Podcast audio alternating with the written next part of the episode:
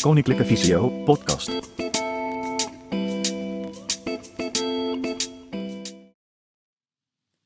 Welkom bij deze podcastserie tussen Hebel en Visio. In deze serie praten wij met experts over het smartphonegebruik voor mensen met een visuele beperking.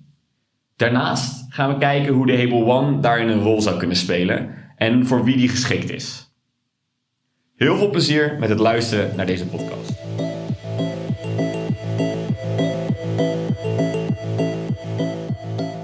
Welkom. We zijn vandaag uh, gaan wij beginnen aan een uh, podcastserie uh, tussen Hebel en Visio. En dit is daarvan de eerste aflevering. ik ben vandaag met Edwin Wetings. Edwin, kan jij jezelf even introduceren?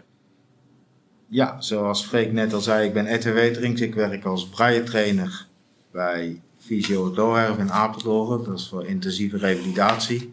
En daarnaast ben ik ook voorzitter van de expertisegroep braille, landelijk van Visio. En ik ben vanaf kind af aan al braille lezer en schrijver, dus oftewel zeer braillevaardig. Top, dankjewel uh, Edwin. Um, ja, ik zal mezelf ook even kort voorstellen. Uh, ik ben Freek, ik ben uh, eigenaar van Hebel. binnen Hebel ben ik vooral verantwoordelijk voor de interactie met onze klanten en dat ik veel langs ga bij organisaties als Visio om eigenlijk ja, kennis in te winnen. wij maken een een braille-toetsenbord voor de smartphone, maar daar zal later uh, zeker meer over komen. Uh, in deze eerste aflevering gaan wij ons met z'n tweeën vooral verdiepen in braille. Uh, en hoe, wat eigenlijk de status momenteel is van braille en wat je er allemaal mee kan. Um, Edwin, zou jij als, nou, als braille-docent een korte introductie geven, kunnen geven over braille, hoe je het leert en ja, waar het nu staat? Ja, braille is natuurlijk ooit ontwikkeld op papier. Zespunts braille, literatuur braille. En zes punt braille, daarmee kun je met die zes punten alle letters, cijfers en leestekens maken. Uh, daar is jaren geleden een uitbreiding op gekomen naar het achtpunts braille, wat vaak uh, ja, meer mogelijkheden geeft, veel met uh, vormen te maken zijn daardoor. En dat wordt vooral gebruikt voor digitaal braille, dus dan moet je denken braille op een braille leesregel. Alhoewel, alhoewel je daar ook voor zes punt braille kan kiezen. En waar kun je braille voor gebruiken? Ja, waarvoor niet?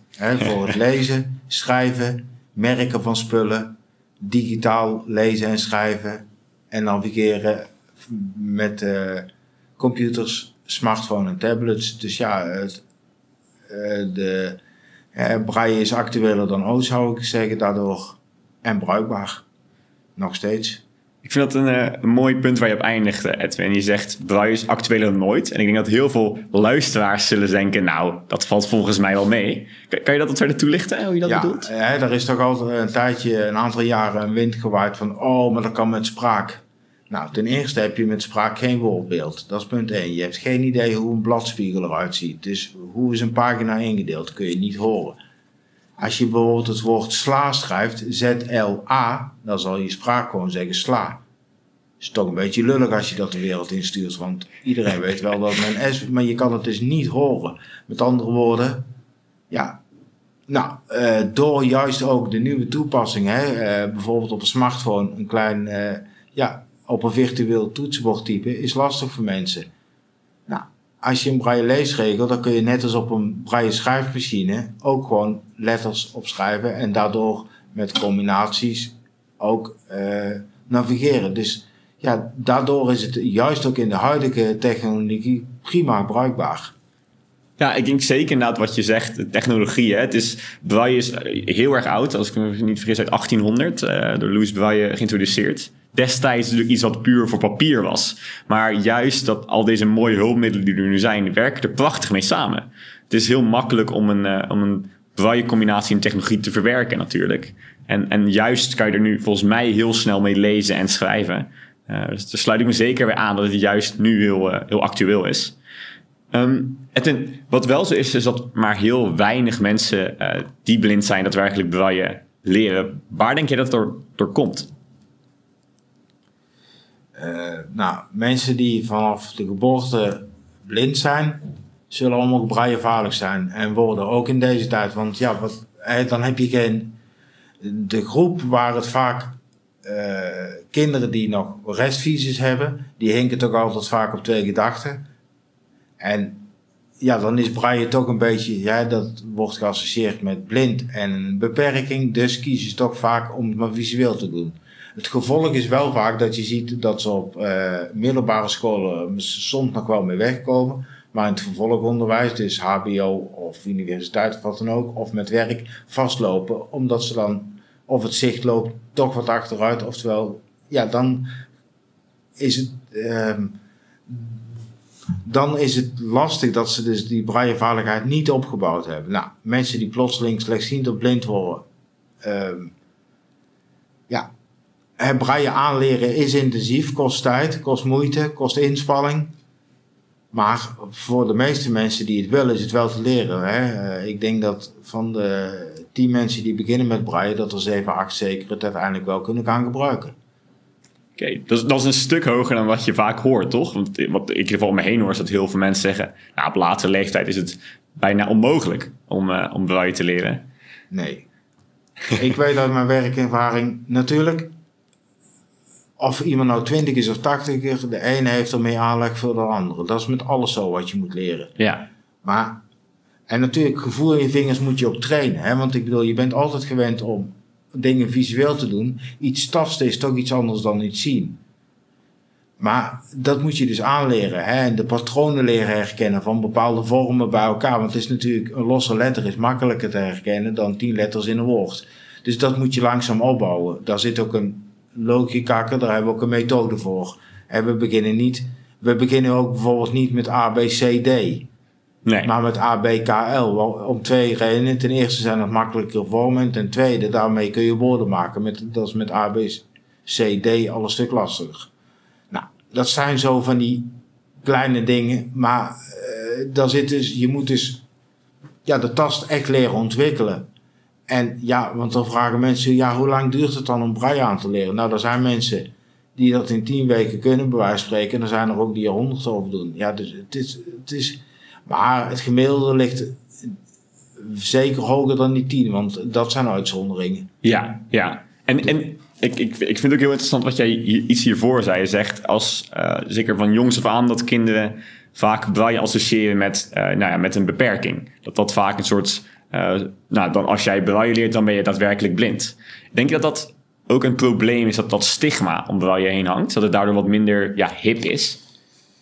Ja, nou, Kijk, jonge kinderen zijn daar misschien nog wat meer onbevangen in. Maar als uh, pubers of ouder, dan zit, ja, het woord blind kan bij mensen echt gevoelens triggeren van. Ja. En dan slaan, hè, dan, braille wordt dan geassocieerd aan blind. En dat is voor sommigen soms op dat moment een brug te ver. Terwijl aan de andere kant, kijk, ook om braille aan te leren moet die motivatie er zijn. Dat is misschien, het gevoel in je vingers moet er zijn hè, dat moet je testen of dat er is. Dat bepaalt of je überhaupt braille kan leren. Maar ook de motivatie. Want ja, eh, je moet het niet doen omdat een ander zegt dat het goed voor je is. Want dan, je, dan heb je niet de motivatie, de intrinsieke motivatie om het echt te leren. Terwijl het wel intensief is om het aan te leren. Dus die motivatie heb je wel heel hard nodig.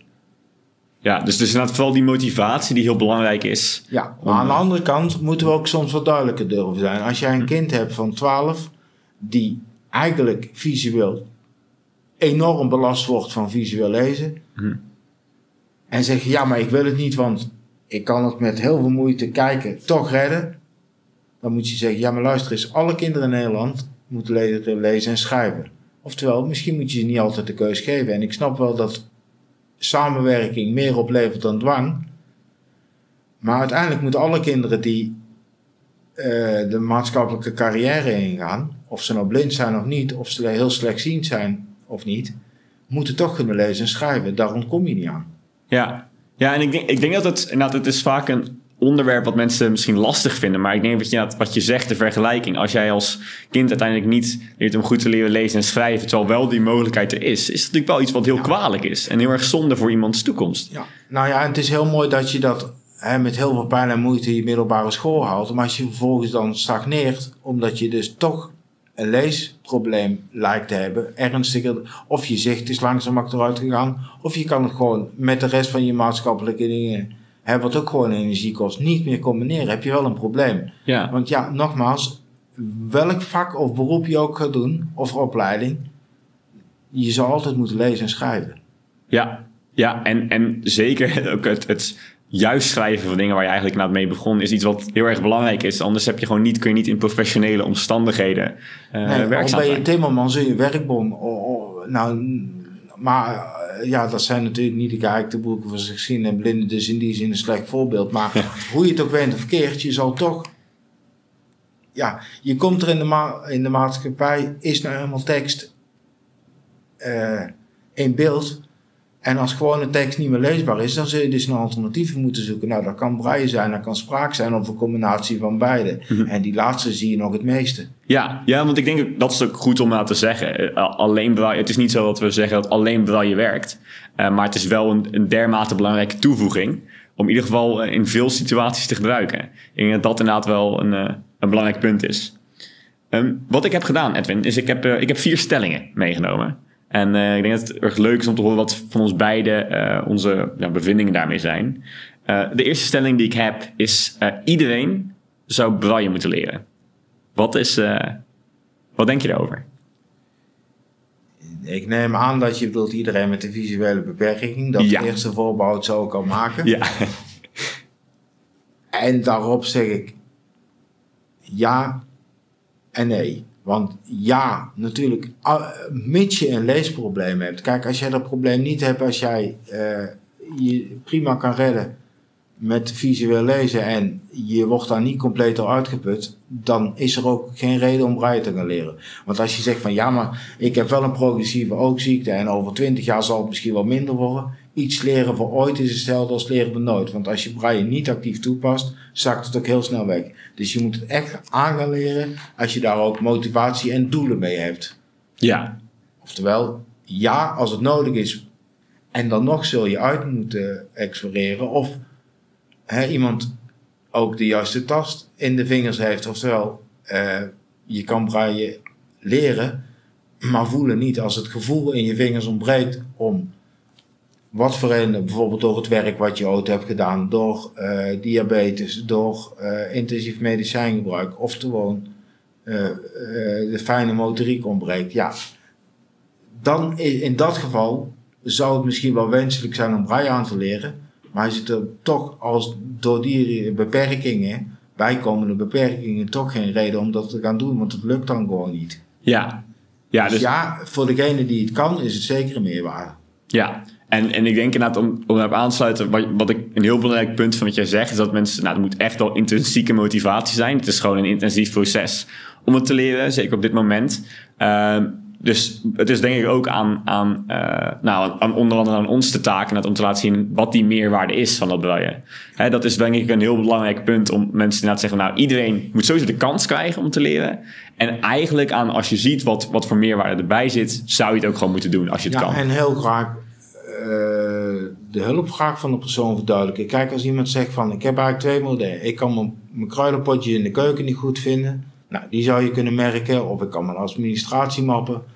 He, daarvoor moet je wel alle letters leren en een paar leestekens, maar dan kom je een heel eind. Ja. Kijk, als iemand zegt, ja, ik wil echt uh, boeken gaan lezen of ik wil echt um, professioneel teksten uh, me kunnen, uh, e-mail teksten of wat dan ook heb ik nodig voor mijn werk. Ja, dan zul je op een hoger level braille moeten leren. Dan moet je ook leestempo ontwikkelen. Dan moet je ook braille kunnen schrijven en eventueel ook. Maar als iemand zegt van, nou, ik heb echt problemen met dingen terugvinden en ja, ik vind dat virtueel typen toch wel lastig. Nou, dan, zijn dan zou je dat of met de leesregel kunnen doen, of bijvoorbeeld zoals jullie het hele toetsenbord hebben ontwikkeld. Het, dus dat zou dan een alternatief kunnen zijn. Ja. Daarvoor moet je natuurlijk nog steeds wel alle letters kennen in zespunts braille en uh, leestekens. Ja, en, en ik, vind, ik vind dat ook een interessant onderwerp, want wij uh, we praten natuurlijk nu ook veel over braille in de vorm van zowel lezen als schrijven. Nou, we hadden het voordat we begonnen met opnemen al heel even erover. Er is natuurlijk een, een verschil in, in het lezen en het, het schrijven van braille. Um, nou, wij als vanuit Hebel hebben een, een oplossing waar we eigenlijk alleen het schrijven uh, gebruiken. Dus ik denk dat ik hier een, misschien een andere mening over heb dan jij. Maar denk je dat ook het alleen schrijven van braille al meer waarde heeft? Of denk je dat beide toch wel belangrijk is om het ook te lezen? Ja, je zou toch een beetje moeten kunnen lezen, denk ik. Omdat je, hoe leer je anders die vormen goed in je systeem te plaatsen, in je hoofd? Daar moet je ze voor kunnen voelen. Mhm. Dus ik denk dat beide. Kijk, nogmaals, je, je, je braille niveau uiteindelijk hoeft minder hoog te zijn als je alleen mee gaat schrijven. Kijk, als je mee wil gaan lezen, zul je ook dingen moeten herkennen. Want de hebel schrijf je braille op het toetsenbord en je luistert wat de spraak vertelt je wat je ingetypt hebt. Dat is een andere vorm dat als je op een braille machine iets typt, moet je ook kunnen voelen wat je getypt hebt om het terug te kunnen lezen. Dit is- zijn twee verschillende uitgangspunten, denk ik. Ja. En dat maakt dus wel uit wat we, nogmaals, je moet dus op voorhand heel duidelijk hebben, wat wil je met braille gaan doen? Ja, ik denk dat dat inderdaad eh, eh, een heel belangrijk punt is, wat, wat eigenlijk je doel erachter is. Eh, in dit geval, van, om het inderdaad op Hebel te betrekken, het is natuurlijk een, een stel je gaat wel je aanleren met de Hebel, wat, wat denk ik best mogelijk is. Alleen het is een heel ander idee dat jij zal hebben bij Braille. Omdat jij niet het voelen van die puntjes, inderdaad wat je zegt, in die, in die patronen denken, zal heel anders gaan. Want jij bent het gewend aan knoppencombinaties. En juist ook de ervaren braillegebruiker, die wel goed braillevaardig zijn, Hm. kan natuurlijk ook prima een hebeltoetsenbord, want die zijn natuurlijk wel braille schrijfvaardig. Dus dat, Ja, eh, daar is het sowieso bruikbaar voor. Dat is inderdaad het grote voordeel. Ken je het al, dan kan je er gelijk inderdaad mee, eh, mee aan de slag, zeker. Ehm, ja, ik, ik, ik ga hier zo meteen nog op terugkomen op het punt, maar ik zal alvast de nieuwe stelling ehm, eh, introduceren. De tweede stelling is, op latere leeftijd braille leren heeft minder nut dan op jonge leeftijd. Of het is minder belangrijk dan op jonge leeftijd. Nee, zeker niet mee eens. Ik, eh, ik bedoel, nogmaals, ook hier geldt voor leeftijd is voor het aanleren van braille geen criterium. Natuurlijk, de leerbaarheid van iemand die ouder is kan moeizamer zijn. Kan hè. Hoeft niet zo te zijn, maar kan. Maar iemand van 60, 70 die motivatie heeft om braille te leren. Ik bedoel, daar heb je ook nog 30, 40 jaar misschien voor je. Dus ja, waarom zou je het niet doen? Ik bedoel, dat is geen reden om het niet te doen voor ons. Dus, en sterker nog, hè, bijvoorbeeld een aantal jaren geleden is hier iemand van 80 al vrolijk lezen tot de braille leesregel de deur uitgegaan. Dus nee, leeftijd is voor ons zeker geen criterium. Nee, nee en ik, het is inderdaad gewoon puur dat je, dat, dat je het nut ervan moet inzien en zelf moet kijken waar je het inderdaad voor wilt gebruiken. Maar als jij inderdaad op, nou zeg je op eh, een, een, eh, een leeftijd rond de 40 of 50 je zicht verliest, eh, denk ik juist dat het zo fijn kan zijn om, om, om braille onder, onder de vingers te hebben, om maar zo te zeggen. Eh, met name ook omdat je veel meer zelfstandigheid weer natuurlijk, we moeten daar wel eerlijk bij zeggen, zo eerlijk moeten we ook zijn naar elkaar. Het leestempo wat iemand van 40, Ja. 50 had Ja. op papier, kan je in braille niet meer terughalen. Ik denk dat een ervaren braillelezer vanaf jeugdblind, zeg maar, braille doet, daar wel in de buurt komt. Maar dan nog haal je dat tempo misschien, dan nog kun je wel een aanvaardbaar leestempo halen, zodat je wel weer gewoon boeken of leesregelteksten of wat dan ook kan lezen en schrijven. Dus dat is zeker een optie. Ja, en ik denk ook daar dat de combinatie dus spraak en, en braille ook heel fijn kan zijn. Want inderdaad, Ja. spraak op hoge snelheid lezen is iets wat je denk ik makkelijker aanleert. Op, zeker op latere leeftijd nog, nog steeds een hoog tempo te halen. Maar je kan voor bepaalde situaties waar... eh, nou, Maar let wel, iets horen is niet Ja. hetzelfde als iets lezen. ja, Probeer maar eens een vakinhoudelijk... eh kijk, als iemand jou een mailtje stuurt van... Freek, hoe gaat het met je? Kun je me even bellen? Nou, als je dat gehoord hebt, snap je al wat er staat. Maar stel nou dat jij een gesprek hebt met jullie softwareman... en die gaat je alle technische dingen uitleggen. Dan moet jij maar eens proberen alleen te horen en het niet te lezen. Dan krijg je dat veel moeilijker in je systeem. Dus het is wel bepalend waar je wat voor gebruikt. Ja, ik denk dat dat ook een heel goed punt is wat je, wat je hier zegt. Eh, dat, dat luisteren is heel lastig om dat op een, nou, op, op een aandachtige manier, een beetje een gestructureerde manier, Ja. is misschien een goede term.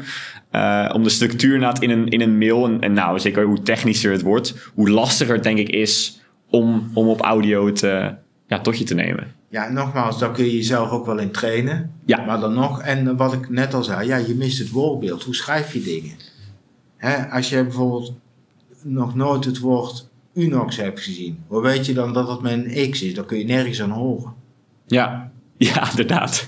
Ja, en dat, dat is natuurlijk op. Nou, als we het hebben over de latere leeftijd, eh, heb je al een betere kennis van woorden. Maar dat verslechtert wel. En dat is en ook. heel snel. Ja, Als iemand maanden niet meer schrijft, ik had het een paar weken geleden nog met een observatie, die zegt, ja, ik moet soms echt gewoon me dwingen om na te denken hoe je woorden schrijft. Want ik schrijf dus niet meer, want visueel schrijven lukt me niet meer.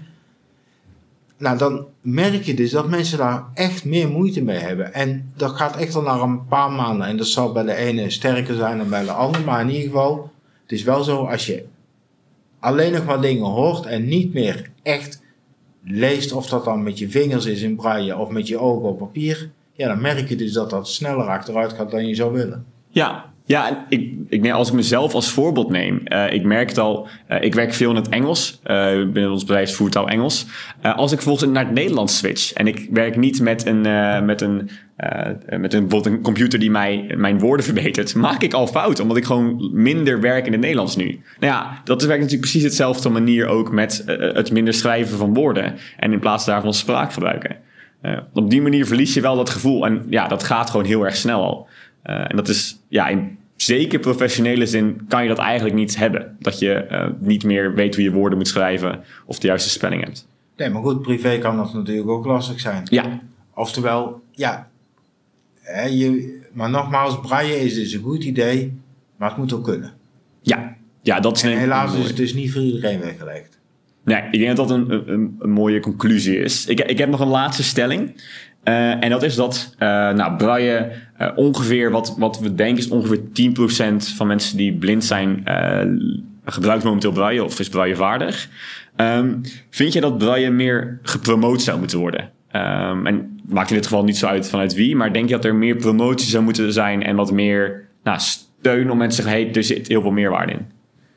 Ja, zeker.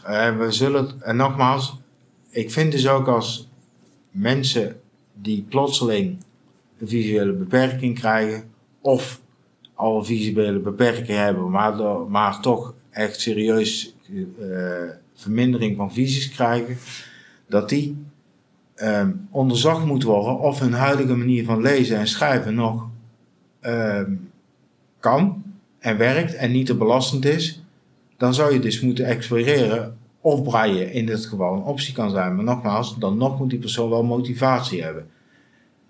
Nogmaals, ik zou wel een voorbehoud, wat ik net ook al maakte. Ik vind als je jongeren, dus op de basisschool of, of uh, middelbare school, ja, dan kun je bijna, als jij nog een maatschappelijke carrière wil, niet zeggen van ja, maar uh, ja, dat blind, dat, daar wil ik niet mee geassocieerd worden, hè, want dan associeer ik braille met blind. Ja, dat, dat, dan moet je toch een serieus gesprek met zo iemand voeren. Want uiteindelijk beperkt dat je mogelijkheden later enorm. Dus, en ja, het is wel zo, hoe jonger je iets aan kan leren, hoe bevorderlijker. Dat blijft natuurlijk altijd een feit. Ja, en ik, ik denk ook dat het, het is natuurlijk een kwestie dat je zegt, nou, je, een, een kind kan ook zelf niet inschatten uh, in, zeg maar, wat het later voor effect heeft op je leven, om, om waar je goed onder de knie te hebben. En ik, ik denk dat wij inderdaad vanuit als je vanuit de school gewoon zegt, hey, je moet het leren en je kan later altijd nog zeggen, ik gebruik het niet meer. Dat is natuurlijk die keuzes aan de persoon zelf. Maar dan heb je wel iets wat je zelf goed in kan schatten op dat moment. Op jonge leeftijd is dat gewoon niet mogelijk. En, en dat, dat doen we ook niet met kinderen die uh, volledig zicht hebben. Geven we ook niet een optie om het, het, het leren schrijven maar over te nee, slaan. Want stel dat je dyslexie hebt, dan kun je ook niet zeggen, ja, hè, want dan is schrijven ja. en lezen ook lastiger. Maar je kan niet zeggen, ja, maar natuurlijk uh, zijn er ook aanpassingen voor. En ja, Tuurlijk. mensen die dyslectisch zijn, willen ook liever niet die aanpassingen. Dus ja, je zal wel een drempel over moeten soms. Maar ja, goed, die uh, ja, drempel moet je toch proberen te slechten. En daar moet je toch wel serieus aandacht voor hebben. Want het is leuk dat hij, ja, iedereen wil perspectief in de toekomst hebben. En daar is lezen toch altijd een belangrijk component in, denk ik. Ja, ja, en ik denk inderdaad dat, dat die mogelijkheid moet er gewoon zijn. En op later leeftijd kan je dat wisselen. En uh, ja, ik, ik ben daar heel erg van, ik heb daar heel erg dezelfde mening als jij, uh, Edwin, dat dat wel ja, echt wel gepromoot moet worden en dat het wel wat meer mag dan dat het uh, ja, momenteel ja, Of in ieder geval professioneel vastgesteld wordt, hè, promoties heen. Maar ook, ja. ja, stel dat het er niet in zit, nou ja, dan zul je dus iemand goed moeten leren hoe je dan spraak kan gebruiken. Kijk, want nogmaals, ja, als het er niet in zit, hè, iets wat niet kan. Ja, niet ook iedereen heeft een autorijbewijs, al zou iedereen wel het liefst die mobiliteit hebben. Maar het moet ook kunnen. Ja, ja. en ik denk, ja. Ja, ik denk ook de laatste wat ik nog dan uh, aan wil snijden is waar we het iets eerder over hadden. Dus nou, nou het braille uh, is in principe, hebben het vaak over lezen. En nou, wij gebruiken alleen het schrijven. Hè. Er, er, is een groep van ongeveer 20% die braille niet meer kan aanleren uh, doordat het gevoel in de vingers er niet meer is. zoals je net zei. Um, is er dan toch een meerwaarde om het wel nog te leren schrijven voor bijvoorbeeld het gebruik van dit soort apparaten? Ja, wellicht wel. Alleen ik denk dat je dan wel heel goed na moet denken hoe je dan al die letters en leestekens aan iemand aan gaat leren. Want als je. Uh, ja, nogmaals, het, het meest wenselijk is toch als iemand zo kan voelen. Maar als er dat echt niet in zit, ik zal niet zeggen dat het onmogelijk wordt, maar dan zul je dus wel een methodiek moeten bedenken om dat goed aan te kunnen leren. En dat is wel een uitdaging, denk ik. Ja, dat is misschien een mooie manier om af te sluiten, want vanuit Hebel zijn we daar dus mee bezig. Dat kan ik al, uh, al wel vertellen met het, nou, het aanleren van het gebruik als jij dus geen uh, ja, braille, geen braillevaardigheid hebt, als je het niet kan gebruiken. En wat ik ook kan zeggen is dat het in de vorm is van een spel. dus op die manier eigenlijk combinaties leert en nou, heel erg continu zeg maar, te horen krijgen of je dingen goed doet of fout doet. En je alle letters individueel kan horen. Um, en we gaan zien of dat iets is wat, uh, wat mensen nou kunnen ja, leren. En als je als uitgangspunt ook maar duidelijk hebt dat, het, dat je dus heel dan bewust iemand braille schrijven aan Precies. Dat maakt wel een wezenlijk verschil. Ja, ja. En, het, en nou, dus het nog steeds, zeker met audio, de feedback uh, hebben en het lezen gebruiken. Uh, en, en waarom die meerwaarde Maar is. uiteindelijk, als daarmee een hulpvraag van iemand beantwoord is, is het natuurlijk prima. Hè? Want braille is geen doel op zich. Nee, en, en dat, is denk, nou, dat is eigenlijk perfect om op af te sluiten. Braille is echt een middel om jouw doelen te bereiken. En dat, soms is dat alleen in de vorm van schrijven en, en, vaak ook in de vorm van lezen en schrijven. Ja, de meeste mensen zullen het meeste hebben aan ja. beide. Ja, zeker. Als er dat niet in zit en toch een probleem is met het schrijven van teksten, zou dit een mooie aanvulling kunnen zijn. Absoluut. Nou, ik denk dat we hem daar ook mooi op afsluiten. En uh, dat was het einde van de eerste, eerste versie van de podcast.